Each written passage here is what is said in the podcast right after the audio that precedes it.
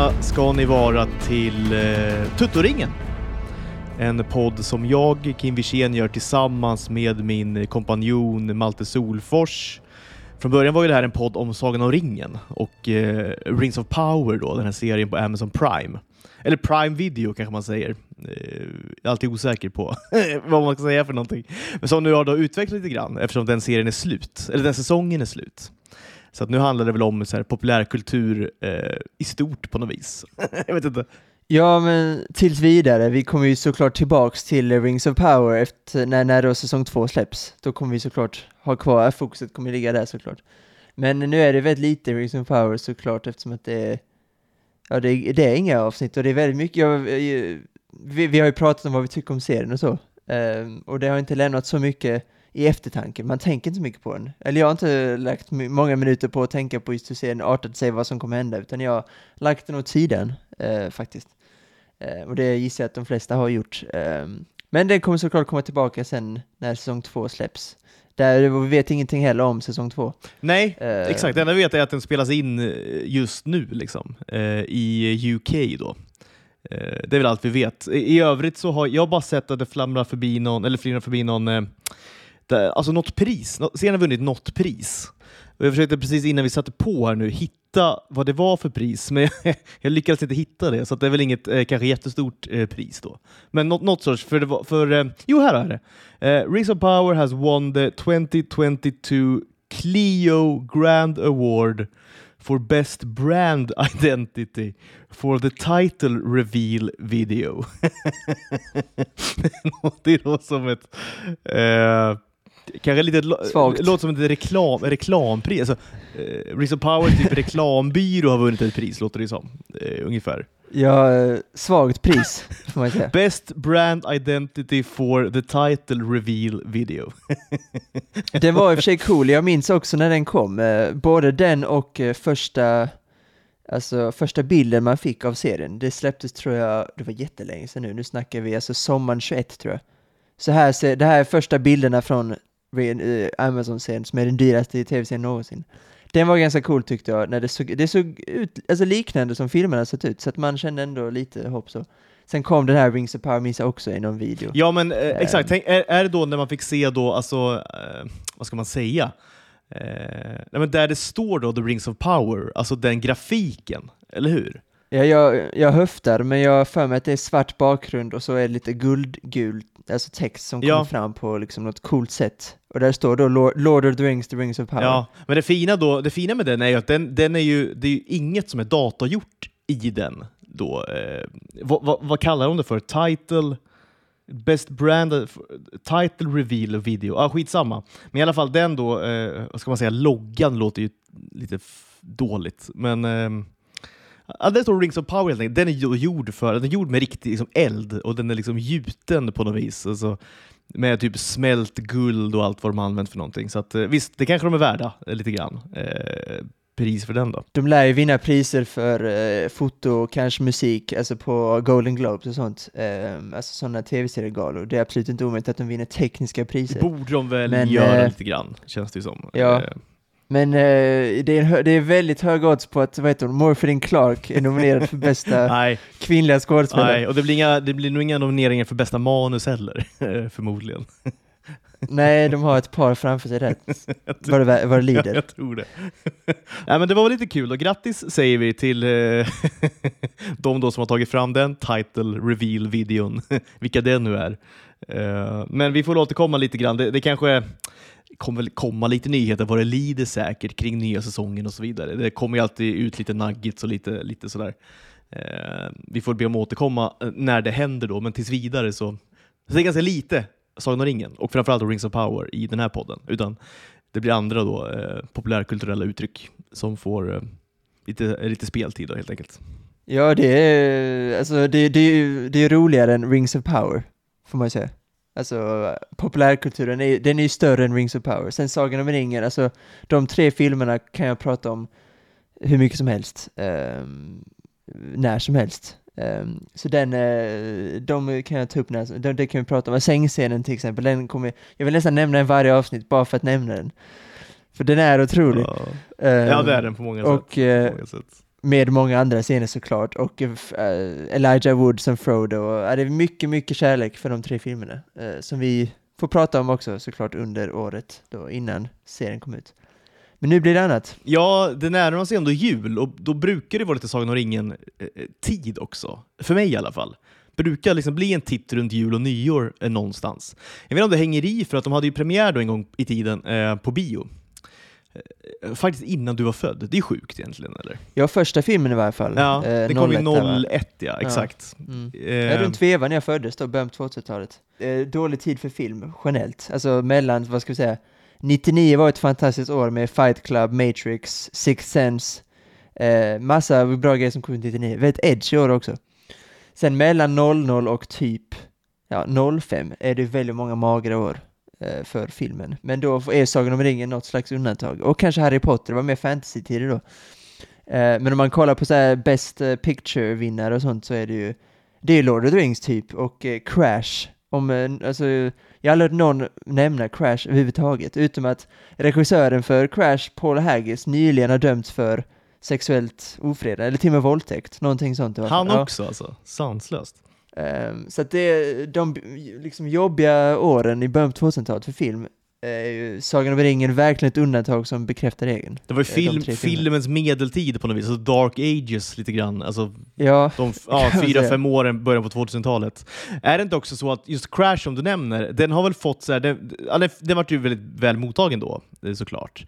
Men den har väl också, så här, det känns som att tidens tand har inte varit så snäll mot den. Alltså jag tror folk så här, inser att det, det här var inte så bra film kanske som vi trodde. Det var bara det att allt annat var så dåligt, lite grann. Så kanske det är. Alltså om man kollar övriga nominerade så var det inte jättemånga motkandidater heller. Ehm, så kan man säga. Eh, sen vet jag inte hur diskussionen var då och hur diskussionen är nu. För som sagt, jag, det, alltså i min värld finns det ingen debatt om Crash, för ingen pratar om det. Lite som Wheel of Time, ingen pratar om den. Nej, exakt. Det är väl Paul Haggis nu som får mindre smickrande ehm, ja, omskrivet om sig. När han, jag tror han har dömts för våldtäkt eller sexuellt ofredande. Ehm, och det är tråkigt, minst sagt. Ja, det Eh, där är- vidrig, vidrig människa får man säga. Ja, uppenbarligen. uppenbarligen. Eh, verkligen. Men på tal om film då. Eh, nu kommer vi lite sent med det här, men jag tror inte det gör så mycket. Eh, jag, jag ramlade över en liten, eh, en av mina favoritregissörer, då, eller filmskapare kan man väl kalla honom för, Quentin eh, Tarantino.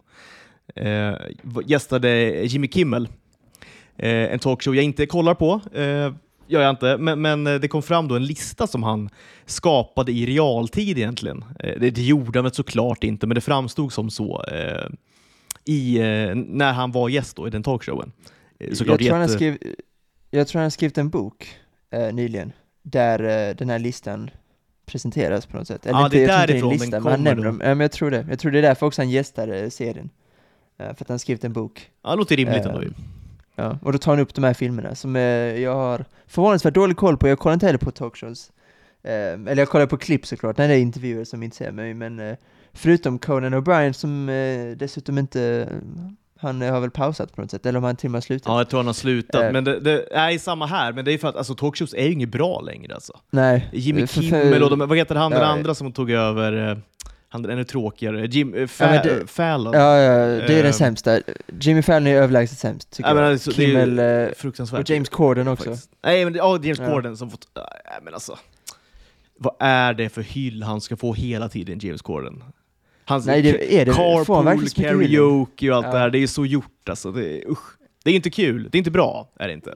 Nej, det är alltså Fruktansvärt det, överskattat. Ja, det är det verkligen. Eh, Det är ju, det är Conan då som jag tyckte var väldigt rolig. Eh, Nej, men Conan, möjligtvis, Conan var ju otroligt bra eh, när han körde sin. Sen var det ju ett otroligt fiasko när han tog över efter Jay Leno, va? Tonight Show. Eh, Där han Mm. bara körde någon säsong, sen eh, vart det inget mer. Jaha, nej. Ja, Men i alla fall, eh, den Conan var ju, det min favorit. Eh, fa- fantastiskt bra. Eh, Jay Leno såklart, kul.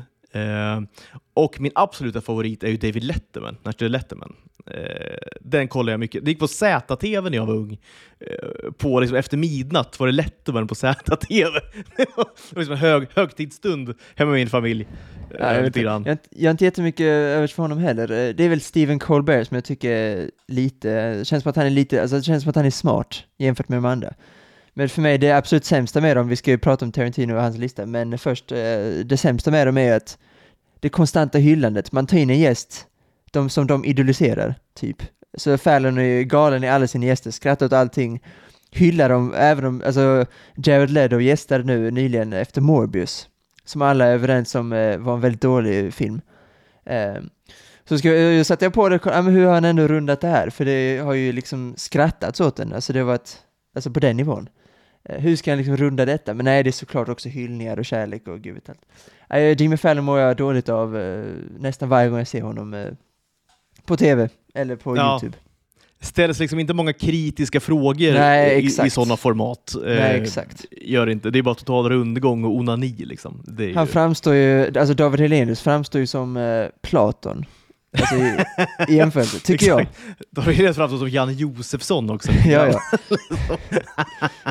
Janne Josefsson, Platon, Love Child, eh, David Hellenius. Och då blir, alltså Skavlan blir ju typ, eh, Skavlan blir Jesus i deras jämförelse. Alltså, Ja, ska, ja, verkligen alltså. Han Ja, blir Skavlan, är ju, ja, Skavlan blir Gud då, Ja, ja. I, i det parallella universumet. Helt klart Ja. alltså.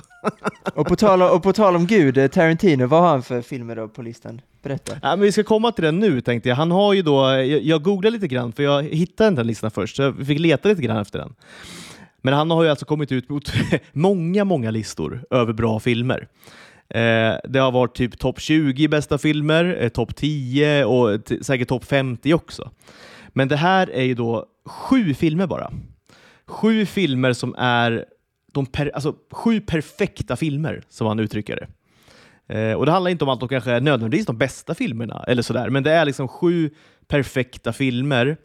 Och, och argumentet då för att de är perfekta är att det går inte att säga emot dem. Alltså det går inte att säga, och jag kan testa det på dig nu då. Jag ska nämna de här sju filmerna för dig.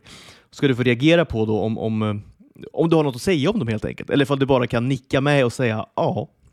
Eh, alla, film, alla filmer har inte jag sett ska jag säga, eh, faktiskt. Eh, de flesta har jag gjort det, men, men inte alla. Och då är det lite svårt. Eh, det kanske du har gjort då, som är en betydligt större film, filmbuff eh, än vad jag är.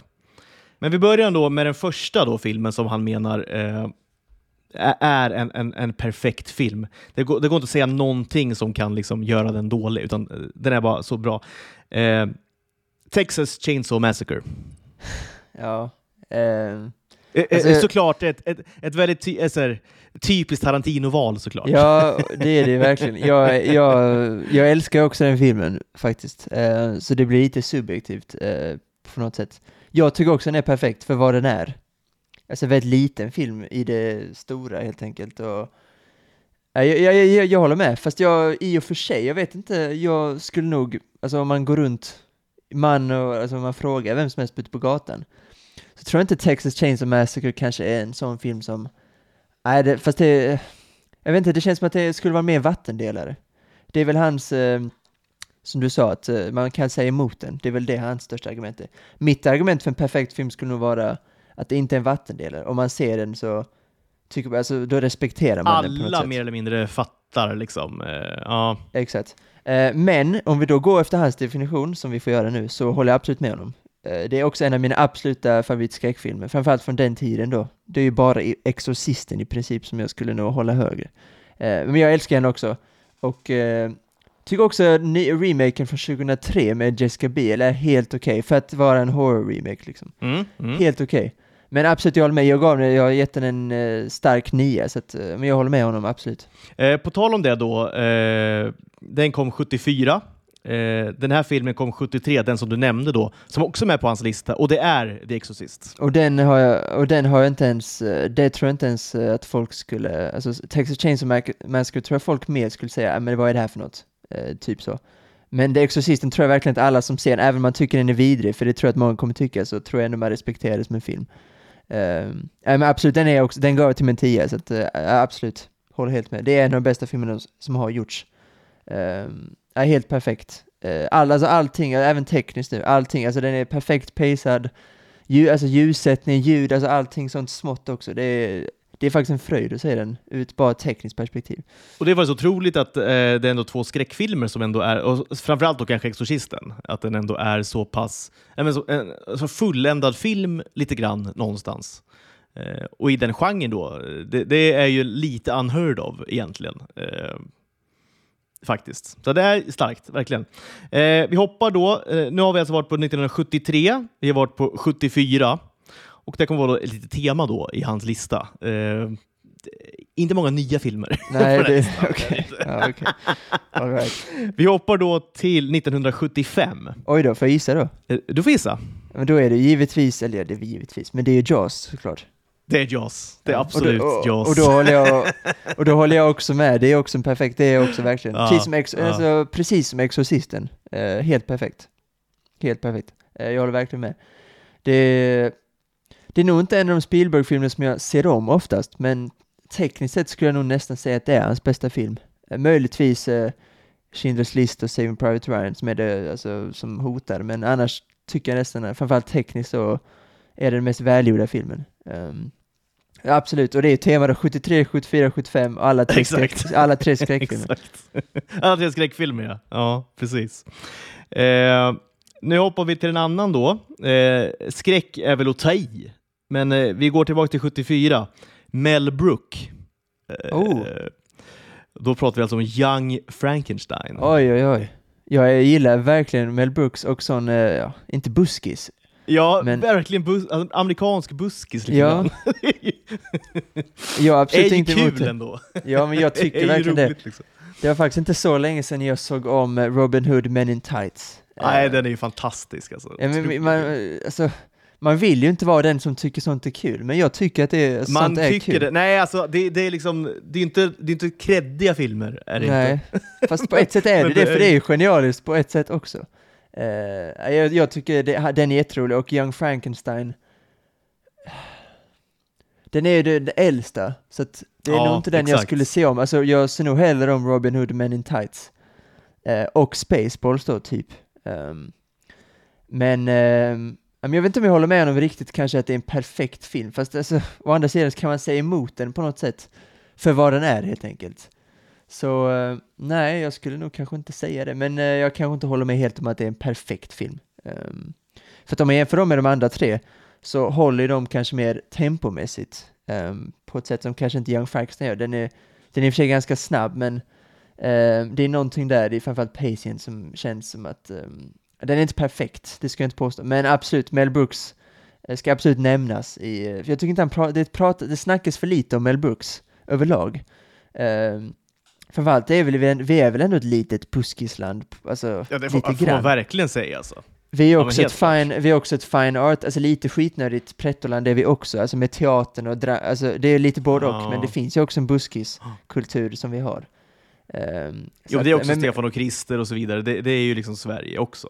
Ja, Eva Rydberg och så. ehm, Ja, ja, visst. Ja, så att, äh, Mel Brooks, absolut. Uh, Young Frankenstein skulle jag också kunna se på ofta. Men om det är perfekt, ja för vad den är så är det väl det kanske, jag vet inte. Eh, men jag skulle nog inte ha den på en lista över sju filmer, alltså på en sån liten lista. Nej, det är, ändå, det, är exakt, det är ändå sju filmer bara och där tar då Young Frankenstein plats. Men absolut, jag tror jag gav den en nia, så att, det är ju väldigt högt betyg. Men perfekt, jag vet inte. Men absolut, jag, jag skrattar fortfarande åt den. Så att, ja. Ja. Kul, att han, Ja, kul eh. att han tog upp den, för den, den, känns inte, den känns inte lika mycket Tarantino, tycker jag. Nej, alltså, ingen annan tror jag, förutom Tarantino, skulle ens nämna den i en topp sjua eh, Nej, överhuvudtaget, tror så är det jag. kanske. Eh, Nej, det känns inte så. Nej, Eh. ja, det skavde lite för i alla fall. Det var kul, tycker jag. Ja, men jag vill ändå... Lite skav. lite skav. Ja. eh, då byter vi genre nu. Eh, hoppar vi till 1977. Woody Allen. Okej, ja men då vet jag vad du ska säga. Då vet du kanske ett, ett namn, ett namn då Det, kanske. det är ett namn och Ja. namnet är då Annie Hall. Ja, Woody Allen är... Det är framförallt eh, fa- mina för, eh, föräldrars favorit, lite så. De gillar honom väldigt mycket. Eh, jag tycker också att det finns väldigt många filmer som han har gjort som är väldigt bra. Framförallt finns det, lite som Tarantino är lik på det sättet, det finns ett otroligt tempo i manuset. Eh, som gör att även om scenerna ibland känns ganska långa, det gör de inte med Tarantino, men Woody Allen har tendens att ta ganska långa tagningar och så. Men det finns ett sånt tempo i manuset så att det spelar nästan ingen roll. Um, och Annie Hall um, är något slags, jag är faktiskt ganska dålig på Woody Allen, alltså hans tidiga arbete, så då är Annie Hall typ den enda jag sett, uh, av 70-80-tal. Um, ehm, men Annie Hall har jag sett och den jag tycker den är också jättebra och det ska jag nog kunna hålla med om att det är en perfekt film. Sen kanske inte det är en som jag ger en 10 och, och så vidare, men uh, det håller jag absolut med om. Ehm, sen har han ju, också fått rubriker på senare år eh, för andra mindre smickrande saker, men det spelar inte så stor roll. Eh, Men, det har eh, han eh, absolut fått. Men om vi, ja, exakt. om vi ser filmen för vad den är då, Annie Hall. Det jag håller med, den är perfekt. Som sagt, det är piken också i hans fantastiska manusegenskaper. Det är ett otroligt tempo. Ehm, och då tycker jag att det illustreras bäst i just den här filmen. Alltså det är det bästa exemplet på Woody Allen också. Eh, också bästa, alltså historien, alltså den, den är mest rimlig också. Sen tycker jag också när vi pratar om Woody Allen, helt sjukt hur mycket film han får ut. Med tanke på att han också skriver manuset. Ja, Han, verkligen. han är snittar typ en film om året i princip. Eh, nu på senare år så tror jag att ingen har koll på ens vad de heter. Tror inte det heller. Ehm, Alltså Matchpoint som jag gillar från 2006. Eh, efter det tror jag, just det, jo den här Midnight in Paris. Midnight in Paris, ja. Den tyckte Ja, jag i och för sig var ganska trevlig faktiskt. Med Owen Wilson och... och eh, den tyckte jag om faktiskt. Ja, gjorde jag jag. också. Eh, Och Blue Jasmine, det var väl också samma år, tror jag, 2013, 2015. Efter det, Kate Blanchett vann Oscar. Efter det så tror jag väldigt många har väldigt dålig koll. Jag vet, han har gjort en film som heter Café Society, som kom ut med Justin Timberlake, sånt som ingen såg. A nej. rainy, A rainy Day in New York med Timothy Chalamet, ingen såg den heller. Och nu har han också gjort någon film så här på 2021 men som ingen heller har sett. Ehm, så han har det svårt, kanske på grund av det han har gjort vid sidan av kameran. Ja, Eh. ja, det spelar säkert in, eh, förmodligen. Det gör det ju. Jag, på, på, på den noten då kan man ju rekommendera en, en eh, dokumentärserie. Jag vet inte om du såg den, Allen vs. Pharaoh. Eh, gick på HBO, finns väl kvar det på HBO, kan jag tänka mig, som då handlar om, tror det är fyra avsnitt eller sånt där, eh, som handlar om den här skandalen eh, som blossade upp. Eh, sevärd, väldigt bra. Eh, gillar man dokumentärer eh, så tycker jag man kan ge den ett, ett, eh, en titt helt enkelt. Tycker jag. Då hoppar vi till den nyaste, äh, vänta, ska jag ta den äldsta eller nyaste? Nu har vi äldsta filmen kvar och nyaste filmen kvar. Så det är två kvar. på sin lista. Det är två kvar. Vad spännande. Men ta den äldsta först då. Ta den äldsta först. Då hoppar vi till, alltså, ska vi längre bak i tiden, 1959. Oj, då har jag förmodligen Eh. inte sett den här. Nå, nej, det kanske du inte har. The Wild Bunch Ah, Okej, Nej, den har jag faktiskt inte sett. är ju då en, eh, ja, en klassisk eh, western, helt enkelt, som, som eh, Tarantino såklart älskar, gamla westernfilmer. Ehm, Ja. Handlar ju då om, om någon sorts gunslinger då. Eh, länge sedan jag såg den, men Pike, Pike tror jag han heter. Eh, och han har något så här, eh, ja, eh, ja, banditgäng liksom som, som strövar runt där och, och så. Eh, Då får du reagera. Vad tycker du om hans eh, val av den? Nej, men jag, också, jag är en sucker för western. Eh, jag, både filmer och serier. Eh, jag har ju en liten, liten, eh, som du hade förra veckan, en topp 11 på serier. Eh, kommer att återkomma lite till western-temat eh, när jag drar min lista där, tänkte jag, eh, om en liten stund här, senare i podden. Eh, nej, men det, det går inte att säga så mycket heller. Det, det är säkert den bästa westernfilmen som har gjorts. Det är så alltså? Ja, det, det tror jag man kan säga faktiskt. Jag håller ju Django nästan nog som min favorit western. På tal om Tarantino då. Ja, Men här- absolut. Men Han är sätter du liksom... såklart inte sig själv. Nej, det gör han inte. Men är du väster, västernkille liksom? Uh, nja, alltså jag föredrar nog, eh, alltså om man ska prata om historiska filmer så föredrar jag nog typ krigsfilmer då helt enkelt. Um, om, jag, om jag måste välja, det måste jag såklart inte, jag kan gilla båda men eh, jag vet inte, det är någonting med, eh, med det eh, som känns lite, jag ska inte säga töntigt, men det, jag går liksom inte igång på det på samma sätt som jag förstår att andra, folk, eh, andra människor gör. Um, alltså så här, The Good, The Bad and The Ugly, jag, tycker, jag förstår verkligen varför folk tycker den är bra, men med tanke på hur lång den är så svårt, alltså det är typ Django, så finns det såklart några andra, men nej, jag har inte samma fäbless. Det känns som att det är också, jag kommer från en tid där, nu görs det knappt några westernfilmer. Um, um, det, alltså folk som är lite äldre än mig har ju växt upp med att det kom flera på något sätt, att det var en väldigt vanlig genre. Um, så att nej, jag skulle inte påstå att jag är en sån western-älskare alls, uh, faktiskt. Um, så det kanske inte är heller min typ av film, just den här The Wild Bunch. Um, så att då, då, då föredrar jag så här krigsfilm istället. Jag går igång mer på det historiska um, liksom elementet snarare än just... Det är väldigt amerikanskt också, western nu. Det är mycket amerikansk historia och så. Um, så det är någonting där kanske, inte att det skaver, men det är ju där någonstans det grundar sig, tror jag. Något som jag hade velat se är ju liksom en svensk take på en western. Eh, alltså utgå från då, kanske samma tidsålder ungefär, men jag vet inte, det kanske inte går att göra riktigt. Men eh, Svensk take, ja. Vad ska vi vara då? Alltså geografiskt, hur tänker du då? För mycket med western är det geografiska är ganska viktigt ändå, alltså hur det ser ut så att säga. Ute med hästar och... Eh, Men jag tänker, det var ju ändå hästar och grejer i Sverige också på den tiden. jo, absolut, men eh, jag tänker också på alltså, Är alltså när, nej, precis. Men det, när- klimatet också. Hur varmt ja, det ser ut att vara. öken och sand och varmt och så vidare. Ja, det är i och för sig sant. Är Det blir svårt för oss. Det är svårt svårare för oss. När det får bli någon sorts eh, liksom, kolonisationen av Norrland kanske lite grann. Men där uppe kan man, det finns mycket att göra där faktiskt. Men Det är i det, alla fall- om- I alla fall lite vildmark där uppe är det ju. Ja. Ehm, alltså en, den alltså regissör, eller filmskaparen just nu som jag tycker är mest spännande just när det kommer till kanske western och så lite mer, det är ju han Taylor Sheridan. eh, som eh, bland annat har gjort nu Yellow, det är, i Sverige är han mest känd för Yellowstone, men han har gjort filmer som um, Hell or High Water och nu även har han gjort, på tal om då Sverige och Norrland, en film som heter Wind River som är mycket, alltså norra USA. Där det är mycket berg och snö och så. Ja, den såg jag faktiskt. Ja. Den är, Och det- tyck, tyckte om den mycket. Ja, det tyckte jag verkligen jag också. Och den påminner väl lite om Sverige, alltså geografiskt och så vidare. Så vi skulle kunna göra en, en sån historia i sådana fall. ehm, när det handlar om alltså, isolation och sådana grejer. Såna, så den filmen skulle då inspirera en svensk take på det här. Annars blir det svårt tror jag. Ehm, Vi får göra- ja, en remake av, eh, i Wind River. och så vidare. Det har inte riktigt vi i oss. Med öken. Men den skulle utspela sig då någonstans i Norrland. Ja, det måste den göra. isolerad Alltså, plats. ska- ja. lite så. Det är det enda jag kan säga. Så får vi se. Eh, det- ja, men då är vi framme vid sista filmen helt enkelt. Ja, vad spännande. Det var den nyaste sa du? Nu är det nyaste filmen på hela listan och den filmen släpptes 1985. släpptes den. Och då kanske, kanske att du ändå har det någonstans i bakhuvudet. 85? Ja men eh, det låter, jag tänkte gissa på ett så här aliens eller alien, men 85, men jag tror inte, det låter, det är inte så här, jag har en film i huvudet som jag vet kommer ut 85, eh, som jag också tycker är perfekt, så jag kommer hålla med, men det känns inte så mycket Tarantino, men jag säger det ändå, Back to the, back to the Future. Det är Back to the Future. Oj, Otroligt ju!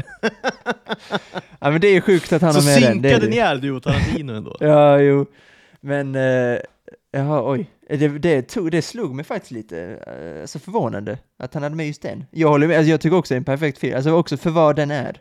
Otroligt underhållande, den kan, man också, den kan jag se om, så lite som Sagan om ringen. Ja, den kan man se Eh, när som helst. Alltså går den på ja, TV så. så. ser man den. Ja, eh, liksom. Eh, Jag, jag, jag, är lite, jag är lite paff att han, att ja, han var med den. lite mållös här alltså. Men är du besviken på Tarantino att han hade med den Nej, absolut, absolut inte. Nej. Lite som Young Frankenstein, uppfriskande. Alltså Wild Bunch, alltså Wild Bunch känns ju lite, inte, inte trist, men givet att han är med en sån. Eh, men det här känns väldigt uppfriskande och Ja. kul att han är med den. För jag håller också med, det, det, det är ju nästan så att det är det bästa valet Ja. hittills. Ja, hur Alltså det är den bästa då? på listan. Kul ju. Ja. Ja men det är alltså eh, Exorcisten, Jaws och... Nej det är framförallt de två Att de är de så mest givna, menar du eller? Det är de mest givna, Ja. men där jag också håller med mest. De två Ja. är perfekta. Det är typ de och Gudfadern som jag skulle ha som de tre, alltså mest perfekta filmerna som har gjorts. Ehm, men eh, Back to the Future skulle jag nästan ha tre på listan, alltså personligen. Um, uppfriskande, det är så tonmässigt och allt sånt så känns det verkligen som att en film som inte han skulle ha med på den listan. Ehm, Nej, det känns ju Det inte var kul. Tarantino överhuvudtaget. Nej, jag vet, men det eh, känns kul att han ibland eh, sätter igång den och kollar på den. Det är bara kul, och, kul att veta det. Eller känt, ja. ja. men det var fint. Jättefin avslut på den listan. Ja men eller hur, lite Eh. mysigt ju. Man känner lite Ja, varm verkligen. i kroppen känner jag. Det. Ja, men jag också. Jag gillar verkligen Tarantino också. eh, Som du sa att du är väldigt förtjust i alla filmerna, men kanske framförallt de historiska filmerna. Inglourious Basterds har jag som favoritfilm. Nej men den är också Eh, mag den är magisk faktiskt. Jag, är- jag har den till och med på, om du ser det här, eh, jag har den till och med här på eh, Ja, plansch post- där. Plansch Ja, där. exakt, exakt. Ja. men det är ju... Och Ja, Django det- såklart, och Ja. Hateful Eight, och eh, Kill Bill, jag är en sucker för japansk anime och alltså japanska samurajfilmer, det är också Kill Bill är helt perfekt.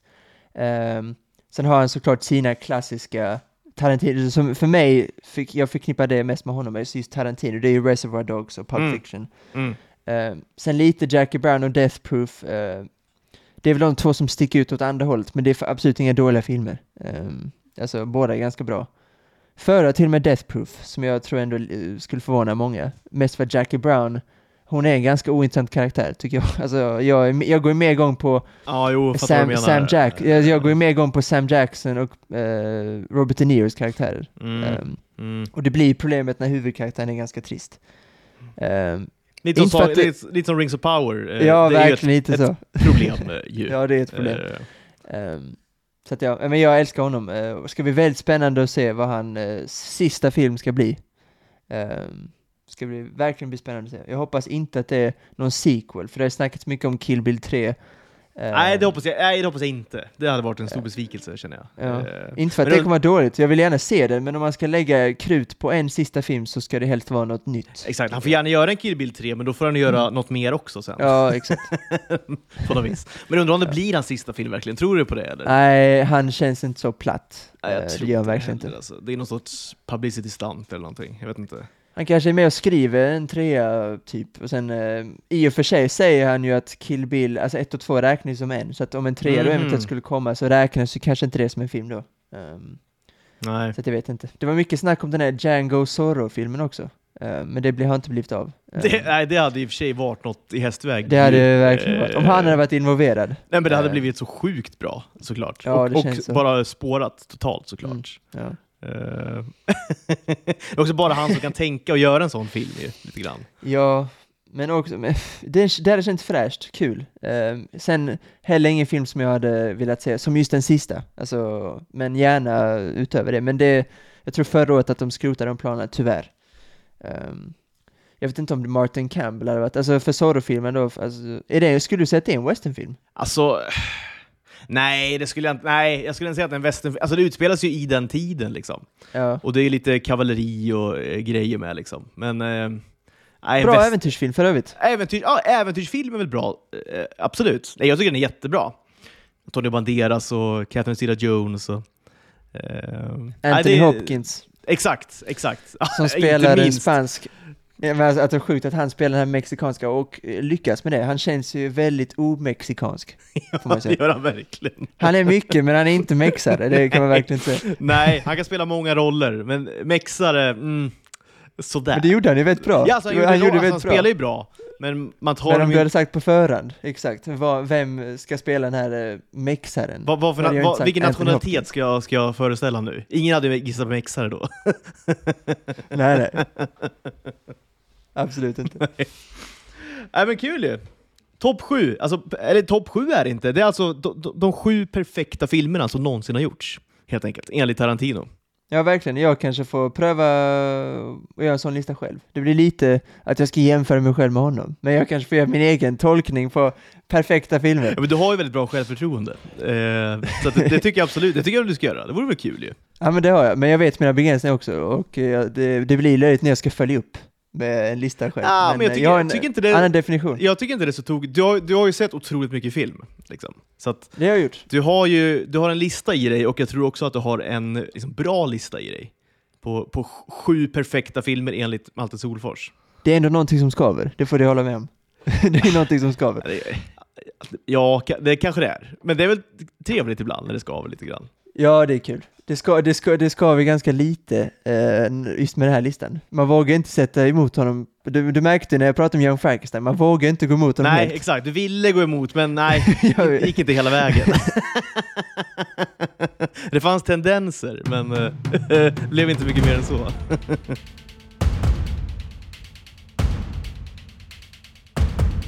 Lite språng över till eh, idrottens värld, tänker jag vi, vi hinner med här innan jag ska presentera min eh, Ja, det blir inte heller en topp 11 kanske, men det är en lista över 11 serier jag tycker alla ska se och eh, bör se. Eh, vi sa ju då förra veckan att vi skulle se på VM-krönikan från 2002. Nu när det är eh, VM-premiär faktiskt redan nu på söndag. Det är bara några dagar kvar tills det är VM igen. Mm. Jag har kanske inte fått upp någon riktig VM-puls, eh, måste jag vara ärlig. Jag, jag har försökt. Har någon gjort det? Har någon fått upp Ja, jag puls? vet inte. Alltså, jag, jag tror ändå att det finns de som har gjort det.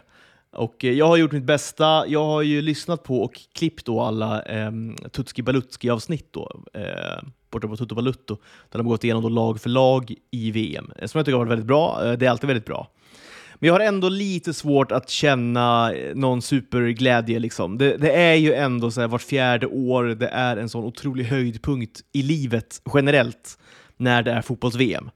Man vet att det är sommar, det är uteserveringar, eh, allt vad det innebär. Det är liksom eh, kolla med polare, eh, man går in i en VM-bubbla. Jag är inte ens nära eh, de känslorna eh, nu inför Nej. det här VMet. Är jag inte. Eh, men jag behöver inte lägga till någonting, för det du sa om just vad fotbolls brukar vara, det är exakt så det är. Eh, det är alltså både 2010, 2014, 2018, de tre VM jag har fått uppleva, det är typ, man ska inte överdriva, men det är typ de tre bästa tiderna jag någonsin Nej, men det behöver inte vara en typ. överdrift tycker jag. Det, det är ofta så alltså. Det är, Det är så eh, otroligt fina tider, det, det är magiskt. Eh, Det är bara magiska veckor. Eh, Framförallt de första veckorna. När man fortfarande också går i skolan och det är mycket på tvn, man, det är mycket kompisar. Eh, Sen när eh, mästerskapet kommer till sin linda där på slutet så blir det ju alltid lite sämre såklart. Eh, Alltså grupp, gruppspelet egentligen är ju, det är ju alltid Det är det bästa. Så är Mm. det. Eh, Åttondelsfinaler är också bra. Eh, och kvartsfinaler brukar vara de bästa matcherna. Sen semifinalerna och finalerna, om inte det blir några speciella matcher, eh, så är det ofta dassigare. Eh, men eh, det, är, det är bara helt otroliga tider. Um, och det, därför, så, det går inte att känna, och nu tar vi undan allt det etiska. Och, uh, vi tar bort allt det. Det är pissigt att det är Qatar. Det, det är det, uh, av många anledningar. Uh, Men även det här med just fotbollskulturen, det finns liksom ingen där. Um, Vi såg ju video på supportertåg som det kablades ut.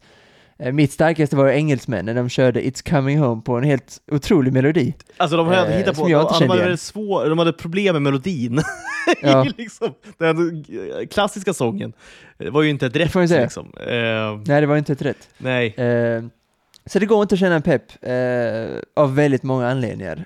Inte, alltså, jag minns när vi mötte Polen och vi åkte ut mot dem nu i playoffet. Så brukar man känna stor plump. Um, alltså Ukraina-matchen sitter fortfarande i för mig. Eh, Ja. Vi skulle inte förlorat den matchen. Till viss del även Tysklandsmatchen när Kroos sätter den i sista sekunden, men eftersom att vi gick vidare så har jag köpt den.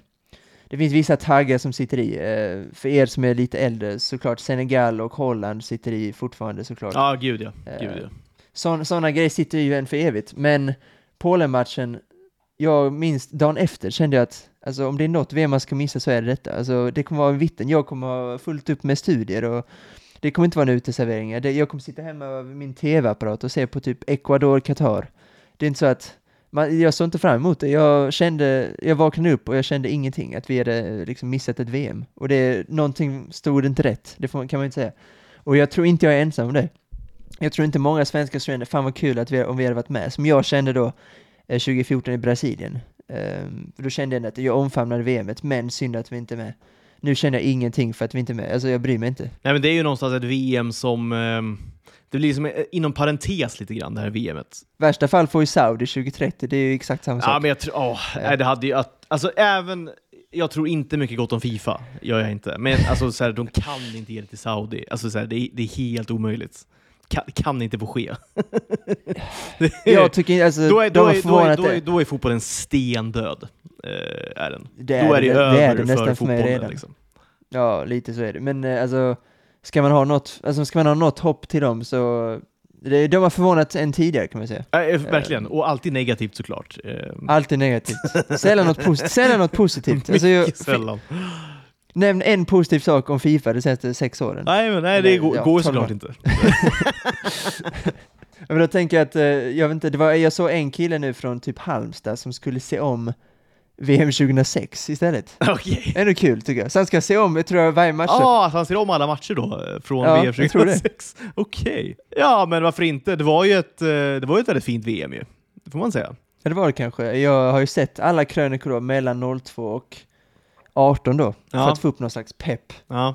Eh, och det enda som, alltså det enda som hände var att jag ville tillbaka dit, alltså till 2010-2014 och 02-06 är krönikor som jag har lärt mig älska eftersom att jag såg dem eh, under en tid när jag aldrig hade sett Sverige i ett VM. 2018 var första gången jag fick uppleva det. Så att eh, jag drömde liksom till 2002 och 2006 och, och så vidare. Och för övrigt är 2002 fortfarande den bästa krönikan som har gjorts, eh, tycker jag. Dra alltså nu pratar vi filmskapande igen, alltså dramaturgiskt och allting.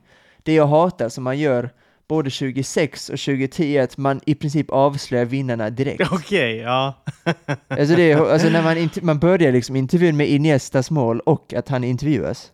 De inleder med det är helt- spoilers. eh, Ja, men lite så. Inte för att, alltså man vet ju hur det gick såklart, men ändå, det är ändå någonting som är, ja, alltså man vill ändå drömma sig in från början ja. till slutet och följa det kronologiskt. Eh, 2018 är samma sak, Pogba firar med Macron och sådana grejer i, i omklädningsrummet. Ja, men det är ju något, eh, det är något liksom, stilistiskt grepp som har blivit alldeles för, alltså, för över, alltså, överanvänt har det blivit. Ja. Det att man ska visa hur det slutar någonstans, sen går man då tillbaka Ja. i tiden då. Eh, nej, men det, det, är ju, det, det funkar väldigt sällan tycker jag. Eh, in, inte, inte ett favorit eh, stilgrepp för mig. Drag. Är det inte. Nej. Nej. Och därför är då 2002, av många anledningar också, absolut det bästa, den bästa krönikan. Då, jag visste inte, när jag såg den första gången, så visste inte jag vem som hade vunnit det VMet. Nej, Eh, tror jag. Nej. Vilket är ändå ganska sjukt att jag inte har tagit reda på det, men jag visste inte när jag såg den. Så att jag, alltså, inte ens när finalen spelades så hade jag någon koll på, alltså då var det Brasilien mot Tyskland. Jag hade ingen aning om vem som vann. Det är ju, och det är perfekt, för då funkar det som tittare, att man, det är ändå någorlunda spännande. Eh, och det är små ikoniska ögonblick från just den krönikan som är, eh, alltså den här må- målvakten från Saudi som tappar in bollen och de här hundra olika vinklarna. Eh, eller nej, det var Sydafrikas eh, målvakt. Sen var det Saudi-målvakten som släppte in åtta mål Åtta mål, i sin ja. hundra- Exakt, exakt. i sin 169 landskamp eller vad det var. Ja. Eh, det är sådana liksom minnen. Eh, danska jultomten, när Jon Dahl Tomasson gjorde massa mål. Eh, Frankrike och alla de här intervjuerna, det är det sjukaste. När de intervjuar folk, helt random människor eh, från de här olika länderna. Eh, som bara sitter där och pratar. Har ingen koll på fotboll. Eh, de ska bara vara där. Det kanske är utland, alltså, utlandsbor som bor i Sverige, jag vet inte. Eh, ingen aning, men det är den här fransmannen då. Det går skit för Frankrike. De gör inte ens ett mål. Eh, den här svenska gubben som är, jag vet inte var de har hittat honom. Det var ju ett, en värdelös person att ta med. Man kunde tagit typ vilken som av de övriga nio miljoner invånarna. Men han är ju Men han tog kanske med. den sämsta personen. Jag menar, han kanske är den sämsta personen i Sverige, alltså överlag. Helt värdelös. Eh, Alltså han är sämre då? som- Han är värdelös, alltså generellt är han liksom värdelös. Ja men bara Ja. som, som människa. En menlös människa helt enkelt. ja. Ja, alltså när han reagerade på Anders Svenssons mål sa han typ, eh, det var inte utan att man eh, satt hemma och klappade i tv-soffan. Typ. Exakt. Han gjorde ett av fotboll, alltså liksom svensk fotbollshistorias sjukaste mål. Så Ja, lite det är så. reaktionen. Satt hemma och klappa, det- klappa lite. Så här, så här, Batistuta och de här storfräsarna. Sen tog han en lite paus, typ två sekunder. Jag uppfattar dem som lite loja. Ytterligare tre sekunder, ytterligare tre sekunder. Underskattar nog Sverige en hel del. Sen fortsätter då klippen att rulla. ja. Och det är då i samma match där Tommy Söderberg, ja det är jättekul, och det är också i samma match som då Tommy Söderberg skriker då åt hela Ja, laget. ja. Hitta linjen! Hitta linjen ja. Hitta linjen! det är för mig, förutom då Frodos eh, sängscen, så är det inslaget, alltså Tommy Söderberg är nummer två i någonting som vi nästan måste prata om varje vecka typ. Det är ju otroligt fint när han skriker det. Och när han sitter där med sina pärmar, och de diskuterar vem som ska ut, om det är Albeck, eh, Magnus Svensson tappar boll och eh, Lagerbäck och Söderbergs tugg där om någon straff, det var för mot Nigeria. Ehm, det här Lagerbäck försöker, ja men jag vet inte om det tog på bollen kanske. Och bara, nej, det var straff. deras liksom tugg, deras tugg mittemellan i Ja. deras liksom tracksuits. Bredvid då typ en Svennis som hade, alltså någon Armani-kostym. Ja, typ. ja, exakt. Det är så Exakt. fint. Ja. Det är så otroligt fint ja, och det som alltid är en... Nej, men det finns ju... Det är många glädjeämnen, är det. Jag, det var ju ett Sverige som var fantastiskt bra och verkligen kunde hävda, vi kunde verkligen hävda oss mot de allra bästa. Eh, och därför blev det extra surt då när vi möter Senegal eh, i en åttondel. En match som jag tror att, att eh, man förväntade sig att vi skulle gå vidare helt enkelt från den matchen. Och att den slutar sen som den gör. Eh, inte bara det egentligen, alltså med Anders Svenssons stolpskott, eh, Kamara som avgör, och då också golden goal på den tiden. Det var ju hädiskt. Som, liksom. skit, som skit i Eh, regel. Ja, men alltså, det är helt otroligt. nej, fruktansvärt såklart. Eh, Men så var det då. Och då var det över. Jag grät hemma i soffan gjorde jag och var helt förstörd. Liksom. Eh, Men också när man tänker då på vilken väg vi hade haft fram till eh, kanske en final till och med. Alltså, hade vi slagit då Senegal hade vi mött eh, ett ganska dåligt, eh, dåligt, dåligt, men ett Turkiet som vi hade haft en väldigt, väldigt bra chans mot. Ja, det var mycket, alltså krönikan illustrerar ju, det är framförallt en sekvens med Hakan Şükür då som var den stora stjärnan. en, hel, en helt otrolig sekvens när han, han får ett friläge, typ missar bollen på något sätt. Sen får han över den till en kille, den, en annan spelare då, som, och sen får han tillbaka den igen med öppet mål och han missar den. Det är liksom en helt, det är en, hel- det är- alltså, det är en sån perfekt illustration av Ja. det mästerskapet han verkar ha haft, att han Ja. var ganska dålig i det hela mästerskapet. Det, det är typ det sämsta jag sett. Ja, han fick väl inte till det överhuvudtaget. Så att jag menar då, liksom, säg Turkiet i en kvart, det hade ju inte varit omöjligt. Och sen då en semifinal där, där vad som helst kan hända. Jag menar, det, det, är var det Brasilien då mest... vi hade mött eller? Ja, Brasilien hade vi mött då. Eh, Hade i och för sig varit tufft. det hade i för sig, alltså, Brasilien mötte ju England då i kvarten. Så att det hade ju kunnat, men jag menar varken England eller Brasilien hade ju varit så här. Det är klart, Brasilien vann ju hela skiten sen. Men jag menar, gå till en semi och en bronsmatch, liksom, ett ett till brons. Det hade ju inte varit Ja, ja. eh, jätteomöjligt liksom, överhuvudtaget. Nej, vi hade, vi hade ju slagit Sydkorea. Ja, det hade vi som. 100% gjort. Jag tror vi hade, jag är helt hundra på att vi hade slagit Turkiet också. Hade vi gjort. Ja. Så att, nej, som jag, det, det är liksom ett, ett missat, en missad VM-medalj i det mästerskapet. Och det är ju såklart en, en tagg som sitter ganska djupt igen. Fortfarande. Efter alla åren eh, kan jag liksom drömma mardrömmar egentligen om, om stolpträffen mot, mot Senegal och, Ja. och Anders Svensson står tomma blick när han liksom ser att eh, stolp... Alltså, äh, fruktansvärt faktiskt. Förlåt, Eh, förlåt att vi tog upp detta ändå kanske. Det, Ja, det är, eh, det är, det är trauma alltså. så är det. Men det är så när man är med om grejer när man är liten, liksom, när man är ung. Liksom, det släpper aldrig riktigt. Sitter i liksom, på något vis. Nej. Jag hade inte det Sverige-minnet egentligen. Ehm, 2012 var det första gången jag fick, det, men så här, på tal om Turkiet då, att Turkiet har brons är egentligen sjukt. För att det är som om Zlatan, jag vet i och för sig inte hur uddlösa Turkiet var utöver det, men det är lite som om vi hade gått till, Eh, jag har tagit EM-brons, eller VM-brons då 2014, så att vi hade gått till VM 2014 i Brasilien och tagit brons med Zlatan. Och nej, trots att Zlatan hade varit helt usel, typ. Det är lite så, det är ju helt, alltså hade Pontus Wernbloom, Sebastian Larsson, är det de som hade liksom, och Johan Elmander, är det de som hade givit oss en, en bronsmedalj istället för Zlatan? Det är helt bisarrt egentligen att Turkiet, att Turkiet tog en bronsmedalj där. Hur, hur var surret om Sydkorea också, det är jag nyfiken om, att de gick till bronsmedalj, det är egentligen helt sjukt ju. För de var inte så bra. Eh, Nej, men de, de, eh, alltså, det mästerskapet var de väldigt bra. Det var så ja. Eh, ja, det var de absolut. Men, men det var ju liksom otroligt mycket snack. Det minns jag ju. Eh, Det sjuka var ju att de gick, så, alltså, de gick från gruppen och så vidare. Det var ju såklart en, en skräll. Men, men det sjukaste var ju när de sen mötte då, de fick ju Italien i åttondelen. Eh, och att, att, att den matchen går de då och vinner är ju helt eh, galet liksom.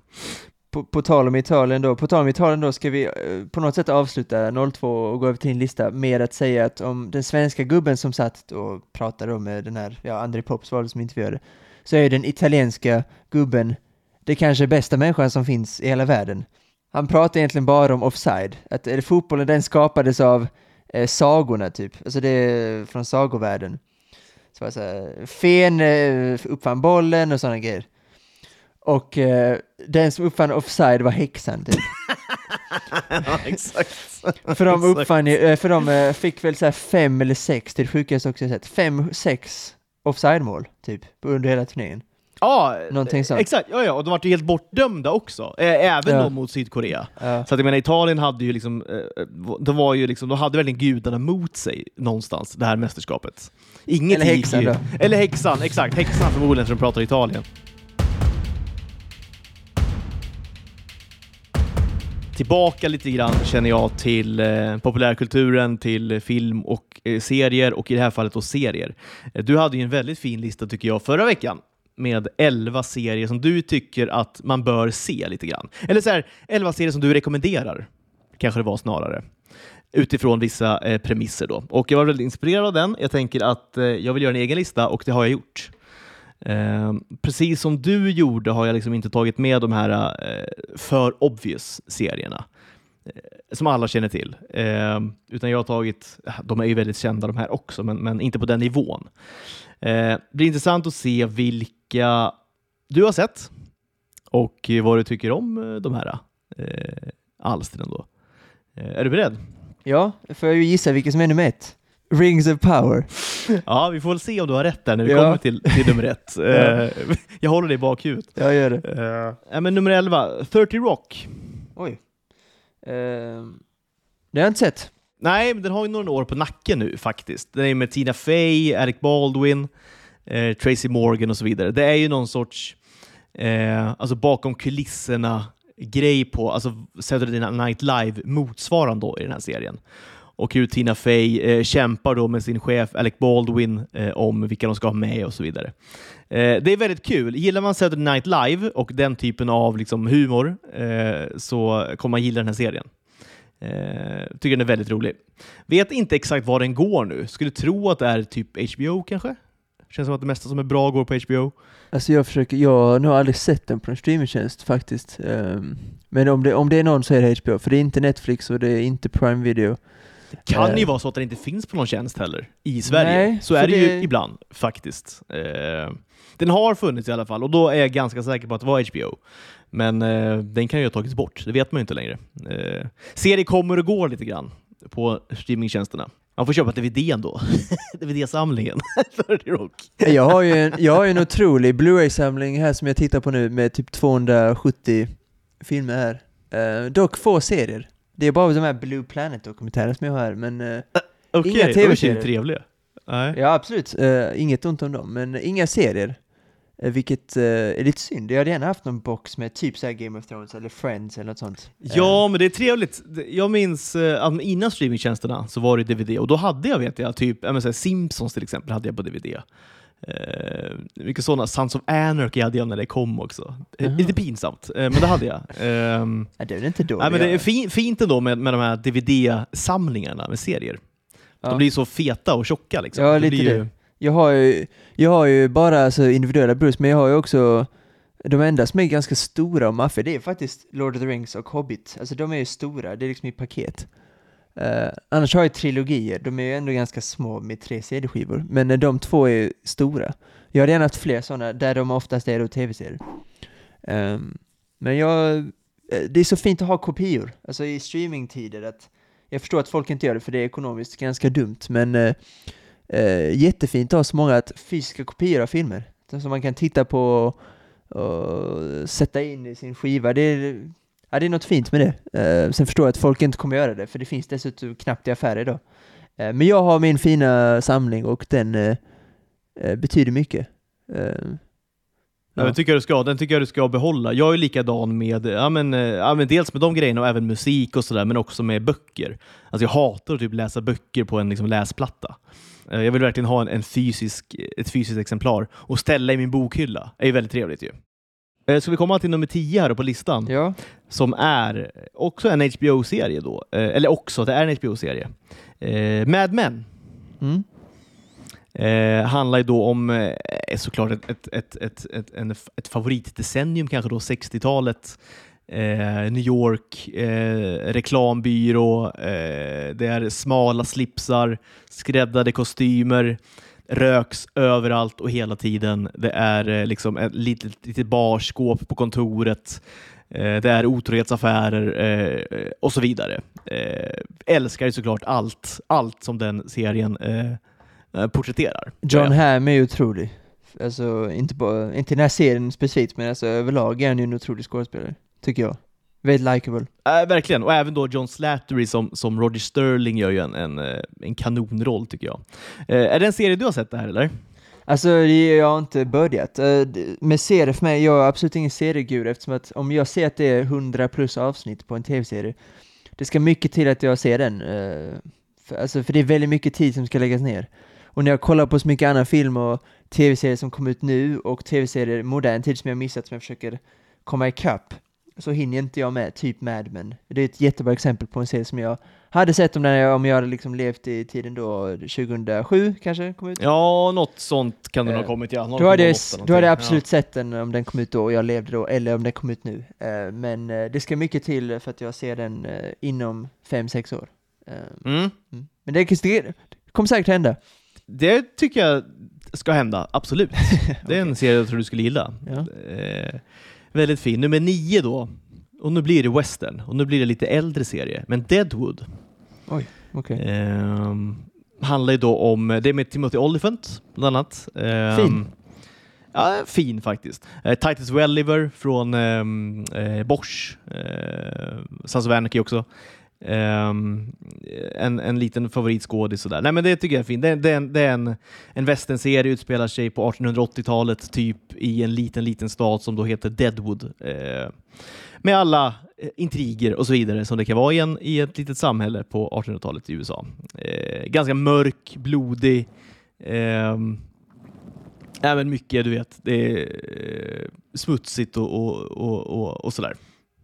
Re rekommenderas. Underskattad serie. Jag tror det bara kom två säsonger, sen lades den ner. Jaha. Sen har det kommit film och så vidare på senare år som inte alls hållit samma eh, kvalitet. Men, men serien då, det är bara två säsonger.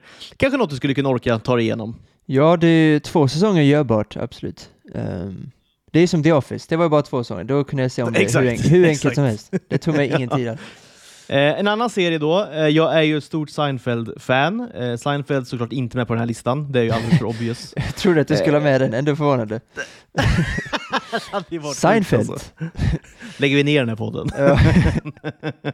Nej men det är i alla fall Larry David och hans då spin-off kan man kalla det för. Ah, okej. eh, Curb Your Enthusiasm. Mm. Eh, på svenska översatt till Simma lugnt Larry. Väldigt kul alltså. ja, det är Jag minns när jag var liten. Eller liten, ja, ja men det kom väl 2000 tror jag, säsong 1. 99 eller 2000, jag var 11-12 bast. Och då gick det på TV4, liksom, eller vad det nu var för någonting. Och då var det Simma lugnt Larry, hette den i tablån. Ja, men det är ju faktiskt otroligt. Det är det sjukaste jag har hört. Ja. Men det här är Simma någonting du lugnt. tycker om, eller? Absolut, jätteroligt. Ehm, Ja. Jätteroligt, men det är absolut. Jo, men det är jätteroligt. Det är jätteroligt. Men det är också, vara tydliga. Ja, det- det, är det jätteroligt. men det det är faktiskt, det är en väldigt bra idé också. Alltså, jag vet inte, det är, det är lätt att se. Det är också bara 20 minuter. Det är en, Ja, jätte, exakt, en jättebra exakt. sitcom. Simma lugnt Larry. Simma lugnt Larry. Rekommenderas också HBO. Mycket HBO här känner jag eh, spontant. Alltså, och mer kommer det bli faktiskt. Nummer sju. Gomorra. Eh, serien då som är skapad av Roberto Saviano som skrev då boken med samma namn 2005, 2006 kanske.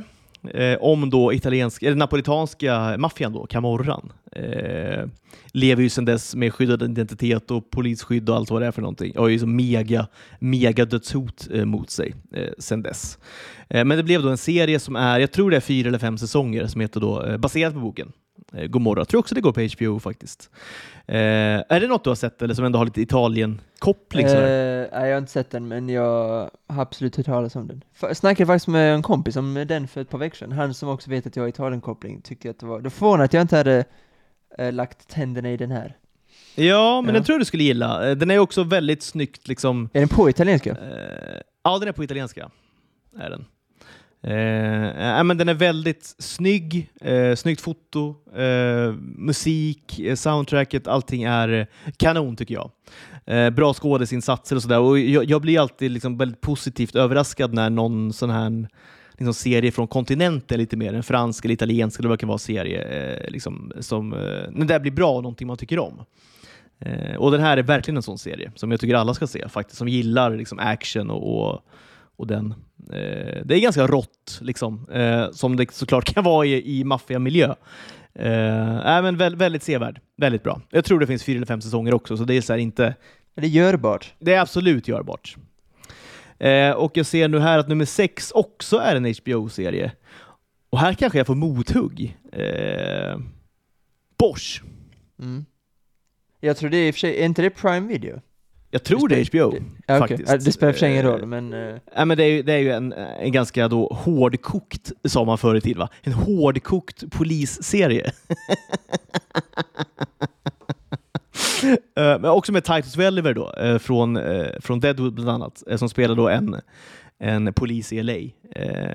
Och tycker den är väldigt, väldigt bra faktiskt. Jag blev lite överraskad när jag såg den för att jag har fått väldigt mycket, i och med att man är svensk och att man följer vissa svenska då, eh, större konton, eh, så har jag fått den här lite ners- nerkörd i halsen lite grann. För det är alltså då Henrik Bastin, alltså den svenska eh, ja, han är Producent, producent då, exakt, som har producerat den här serien. Eh, och då, då, det fick man ju höra från alla håll och kanter då, att det är Henrik Bastin som har gjort den här serien. Men när jag väl såg den så tyckte jag väldigt mycket om den och eh, jag tycker väldigt mycket om eh, hur den gestaltar då Los Angeles, eh, miljöerna i Los Angeles, eh, små orterna runt omkring och så vidare, eh, olika eh, stadsdelarna och sådär. Så att eh, jag, jag, jag har ju en fäbless för då, eh, dels USA men också för LA. Och det här blev då lite hand i handske för mig, eh, den här serien. Eh, så att gillar man så här polisserier eh, så är den här väldigt bra, tycker jag. Rekommenderas. Mm. mm. Är väl också typ 150 avsnitt? Det är nog därför jag... Ja, Jag, ja jag tror det Jag vet inte om det finns sju eller åtta säsonger kanske. Eh, så att, eh, ja, det är lite mer att bita i så att säga, om man ska hoppa på det här tåget. Du måste du ha sett den här nya Bosch Legacy eller sånt va? Nej, ja, den har jag inte sett. Nej. Inte sett Bosch Legacy faktiskt. Det har jag inte orkat med eh, än. Men, men den här serien tycker jag är väldigt bra. Nummer fem, också en komediserie då, eh, Parks and Recreation. Ja, det är bra. eh, är väldigt rolig med Amy Poehler, ehm, eh, Nick Offerman Mm. som eh, eh, chefen då. Ja. Nej, men det är en serie som är lite, vad ska man säga, lite, politisk satir kanske. Hur det kan se ut liksom, i, i, i ett liksom, kommun, kommunalstyre någonstans. lite grann. Eh, tycker den är väldigt rolig, väldigt underfundig och Amy Poehler tycker jag är Hon är bra. jätterolig. Hon är kul. Hon är väldigt kul. bra. Och, hon är kul. Och Nick Offerman är också en väldigt så här, eh, det är en väldigt egensinnig karaktär han gör i den eh, serien. Ja. Eh, Han spelar, vet, han spelar ju sig själv på något sätt. Han spelar ju den, man spelar den karaktären i ganska många filmer där han har ganska små roller. Eh, vilket är lite synd ibland att han inte får mer, ja, fast han kanske, det är kanske det han ska vara och det är inte något fel med det egentligen. Eh, Ja, kanske ändå. Eh, I alla fall väldigt rolig. Ja, det är kul. Ehm, det, det är liksom i samma genre typ som då eh, 30 Rock kan man väl säga. Ja, det kan man säga. Eh, är vet Tina inte, Fey, jag tror Hennes den... bästa kompis. Ja, exakt. De är ju polare ju. Ja. Och det är väl, jag vet inte om det är via Play eller om det är Netflix den här går på. Eh, ska låta det vara osagt, men den finns i alla fall. Pa- Park and Rec finns på Netflix. Ja, det är så att, Netflix. eh, Ja, men då så. ja. Ja. men då är det Netflix. Mm. Kanon. Jag ska skynda på lite, jag ser att du ser lite trött ut eh, på min långa lista här. eh, vi tar, tar nummer fyra då. Också en komediserie som också finns på Netflix. Eh, Arrested Development. Ja, jag tänkte på den när du sa Park and Rec. Det är också Netflix och det är också liknande så att säga. Ja, det Kort, korta avsnitt också gillar man ju. De är typ 17 minuter långa kanske, någonting. Eh, jag tycker också Arrested Development är bättre än Park and Rec, eller roligare helt enkelt. Ja, ja men den är snäppet högre på den här listan. Ja, jag. Nej, men det är Jason Bateman eh, spelar då en, eh, jag behöver inte dra hela premissen, men, men eh, det händer sjuka grejer i alla fall i familjeföretaget då, någon sorts mäklarfirma. Eh, farsan, eh, nu minns jag inte vad farsan heter, den skådisen, men han är ju väldigt rolig. Eh, eh, skallig person som har väldigt mycket eh, sjuka grejer för sig helt enkelt. Ja, just det. Eh, som åker in i finkan då. Eh, Nej, men den, den är kul, den är väldigt rolig. Ja. Det är kort avsnitt, det är eh, kul och eh, det ska man se helt enkelt. ja, men det ska man. Det Det ska ska, man. man göra. Det ska man göra. Eh, då har vi kommit på topp tre här. Det är spännande ju. Spännande. Ja, se om nummer ett är Rings of Power, eller vart vi hamnar någonstans. Men vi börjar på nummer tre då. Eh. True Detective. Mm. Och då tänker jag framförallt på säsong ett. Eh, jag kanske till och med ska säga True Detective säsong ett. För att de är, nej, men så här, eh, de är så pass olika varandra, eh, alla tre säsongerna som finns. Så att, Både ja, eh, nej. de, ja, de, både ja och nej. ja, men de är lika i uttrycket och så vidare, men, men det är olika skådisar, det är olika Ja, stories, ja, absolut, absolut. Eh, olika platser och så vidare. Eh, sen är det klart de hänger ihop, gör ju på något sätt.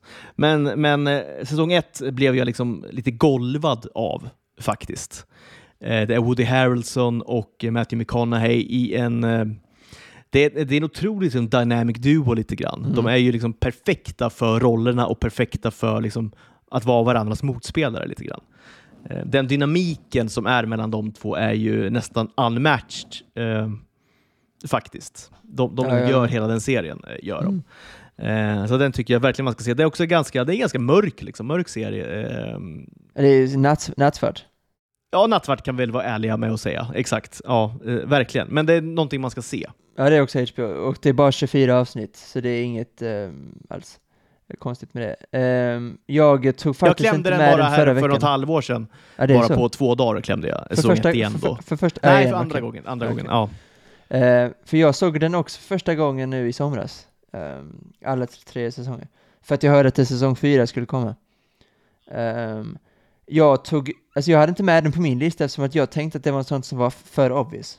Ja, men det, det, det är så gränsfall. Det kanske är för obvious för att de är på en lista. Det kan vara så faktiskt. Ja, Jag är inte heller säker, men just för- framförallt säsong 1 snackas det om jättemycket, och det är en 10 av 10. Jag tycker säsong 2 är helt okej. Ja, den är typ en ganska bra, får jag inte säga. Sen tycker jag säsong 3 är, började väldigt bra, eh, men sen mynnade ut i lite så här, eh, ja. Men säsong 1 är faktiskt helt otrolig. Nästa, eftersom att det är en antologiserie, nästan räcker med att du ser säsong 1, alltså om jag ska rekommendera någonting. Eh, för de har, hänger liksom inte ihop egentligen, utom för Nej, de det är det jag tänker. Exakt. Utom i exakt. stil och uttryck och så. Ehm, eh, så se säsong ett i varje fall, för den är otrolig faktiskt. Helt otroligt. Sjukt, jag har läst att Matthew McConaughey skrev någon typ hundrasidig uppsats om sin egen karaktär, eh, typ hur han blev som han blev och så vidare. Cole, eller vad han heter. Detective Cole, ja. Rust, Ja. Rust Cole. Ja. Bra namn. Eh, Bra namn och eh, otrolig karaktär faktiskt. Rust Cole. Topp två. Också en antologiserie och nu är frågan också om den här är för obvious. Jag kan få liksom revidera lite grann här. Eh, Men om jag säger då att det här också är HBO och att det också är en antologiserie. Eh, vad tänker du då spontant? Eh, Också då kan vi säga då våran favorit Martin Freeman. oj. Oj, men då är det inte The Office såklart. Vad fasen har han gjort då? Det är Fargo. Ah, såklart. Såklart. Ja, det är också Eh. gränsfall får man ändå säga. Ehm, Ja, det är gränsfall. Jag vill ändå ha med den på listan. För att det är liksom, eh, på, på samma sätt som jag blev golvad av True Detective blev jag också golvad av Fargo. Eh, verkligen, tycker det är en fantastisk. Det är, men det är verkligen topp två för mig, Fargo. väldigt, väldigt många det? bra skådespelare som jag tycker om, alltså Chris Rock och Ewan McGregor och såklart eh, Martin Freeman då. Nej, men nummer ett då. Uff, det får jag nästan gissa. Uh, det är ju Du kan säkert gissa rätt på det. Eh, det är tveksamt eh, om jag kan. Ehm, om, det här, om, tän- om, det, om det är så här samma liga som Fargo True Detective så är jag liksom inne typ på Narcos eller The Crown eller någon sån. Eh, Ja, ja, nej, inte nej. riktigt samma Nej. härad där. Eh. Det är en spin-off, är det. Oj. Eh, det är en spin-off på Breaking Bad och det är Better Call Saul. Eh, Den, ja. Ja, absolut, jag håller med. Jag håller med. Kände du den att du, hamnar faktiskt kände du att på nummer upp- ett för mig. Ja, kände du att du behövde ta upp den för att du tycker att den får för lite uppmärksamhet jä- jämfört med Breaking Bad, eller är det någon annan anledning? För att för mig så är den också på en så här obvious-lista. Men det kanske bara är, det kanske är för att jag är blindad av Nej, men jag, Eh. kanske, jag kanske hänger också i en liksom social krets där, för, alltså, det var därför jag, det, är verkligen topp tre är ju verkligen obvious. Men i liksom min sociala krets när vi pratar om serier och sånt där, så är liksom, det, det är ingen som har sett de här tre. Och det är det som är så sjukt. Eh, Däremot när jag pratar med kanske sådana som dig och sådana som verkligen ser mycket serier och sånt, då är det klart de här är liksom mega obvious. Det är liksom en solklar topp tre.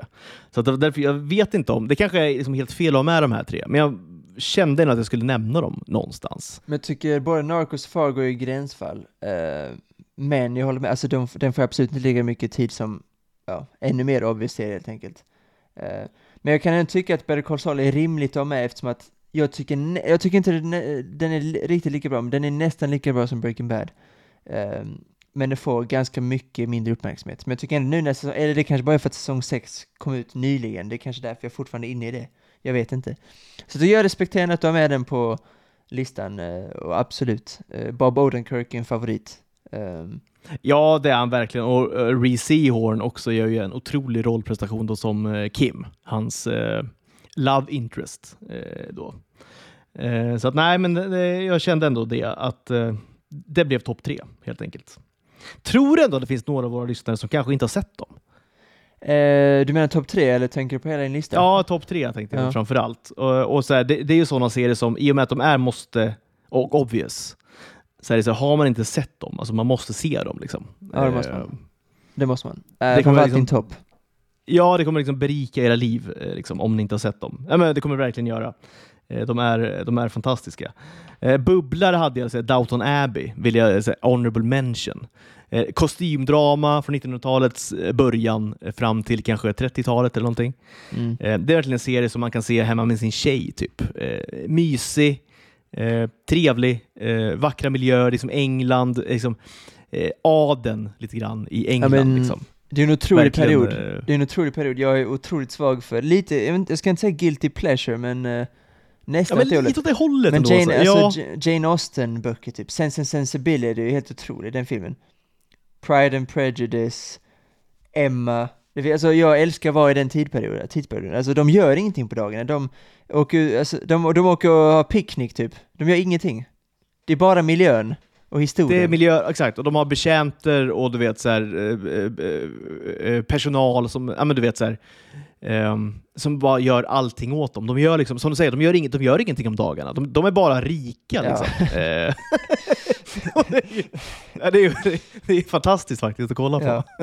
Ja, men, jag, jag, kan sitta, jag kan kolla på Sense and Sensibility 24 timmar i sträck, för bara, bara vara i den, bara vara i den tid, alltså tidsperioden. Bara vara med dem när de åker och plockar äpplen typ. Eh, Ja.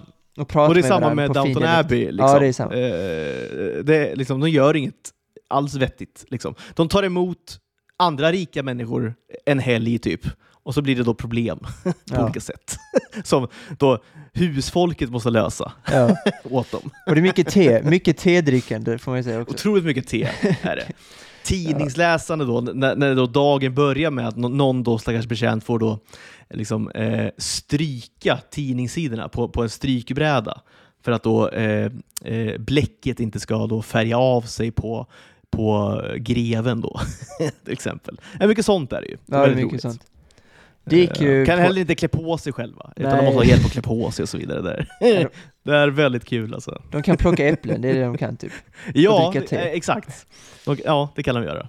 Inte Downton mycket mer Abbey- faktiskt. Nej, det kan verkligen inte. Downton Abbey gick ju på SVT när jag var liten, när jag väntade på Sportnytt. 17.55, 17.55, 17.55, man fick fem minuter. Eh, då, var det, då, då, då var det typ 17.00 till 17.50 var det Downton Abbey. Eh, sen var det helgmåls, alltså någon bön, typ som gick fem minuter. Ja, helgmålsringning. Ja, precis. Ja, Eh, ja. sen var det då Sportnytt, så att det var många, då, det uppskattade jag inte när jag var sju, typ. Jag uppskattade inte Downton Abbey då. Jag har heller inte sett alla avsnitt, utan det är en sån serie som jag har sett på när det går på tv, för det har faktiskt gått på tv mycket på SVT då. Ibland står det bara där, och då sitter, och då sitter man och kollar på det för att jag bryr mig inte egentligen om historien, alltså man vill bara vara där med dem. Med Professor McGonagall som då jag, det uppskattade jag när jag var sju, att det är Professor McGonagall, typ så. Så att eh, mycket Downton Abbey har jag i mig faktiskt. Um, men fin, det är också en sån serie som uh, passar bra på listan. Sån som uh, inte alla pratar om. Också få avsnitt. Vi säger så helt enkelt. Men vi är tillbaka nästa vecka. Och då, då kommer det här hända. Då kommer jag ha en liten, liten sagostund tänkte jag för dig. Eh, då jag ska eh, prata lite om jag tänker att det får bli en, ett litet tema i podden framöver. Vi har några hållpunkter. Eh, vi får se om det blir kanske någon mer lista då. Kanske, ja, men ska vi köra din, din, liksom, dina sju perfekta filmer? Jag vill ändå höra den listan. Även om den är lite, även om den är lite förmäten då, eh, så vill jag ändå höra den. det rimmar mycket med ditt, med, ditt, med ditt goda självförtroende, så den vill jag verkligen höra. Ja, jag får brösta den. Nej, men jag ska också då introducera eh, sagostunden, eh, där jag då kommer i kanske fem och en halv minut prata lite om Sagan om ringen och Sagan om ringen eh, universumet. Eh, välja ut då någon person eller någon händelse eller någon plats eller vad det kan vara för någonting eh, och prata lite mer eh, djuplodande om. Eh, och jag ska försöka undvika spoilers. Om det är spoilers till serien kommer jag liksom säga det på förhand så man kan välja att inte lyssna på det då. Men jag tycker det kan vara lite kul. Så får vi liksom en liten, liten Sagan om ringen-koppling också varje eh, Ja, avsnitt. Det är rimligt också att det är fem minuter, det är fint. Och jag kommer inte avbryta en gång, utan jag kommer bara lyssna. Luta mig Ja. tillbaka och Ja. lyssna på det. Ja, det låter fint alltså. Och det får lyssnarna också göra om de vill, såklart. Eh, men det blir kul. Eh, och vi säger så helt enkelt, så, så på återhörande då eh, om någon vecka, någon knapp vecka kanske. Ja, någon vecka, det blir det. Någon vecka blir det förmodligen. Ja. Exakt. Men du får ta hand om dig så hörs vi snart igen. Ja, det får du göra. Tack till alla lyssnare, ha det så fint. Ciao tutti! Ciao, ciao.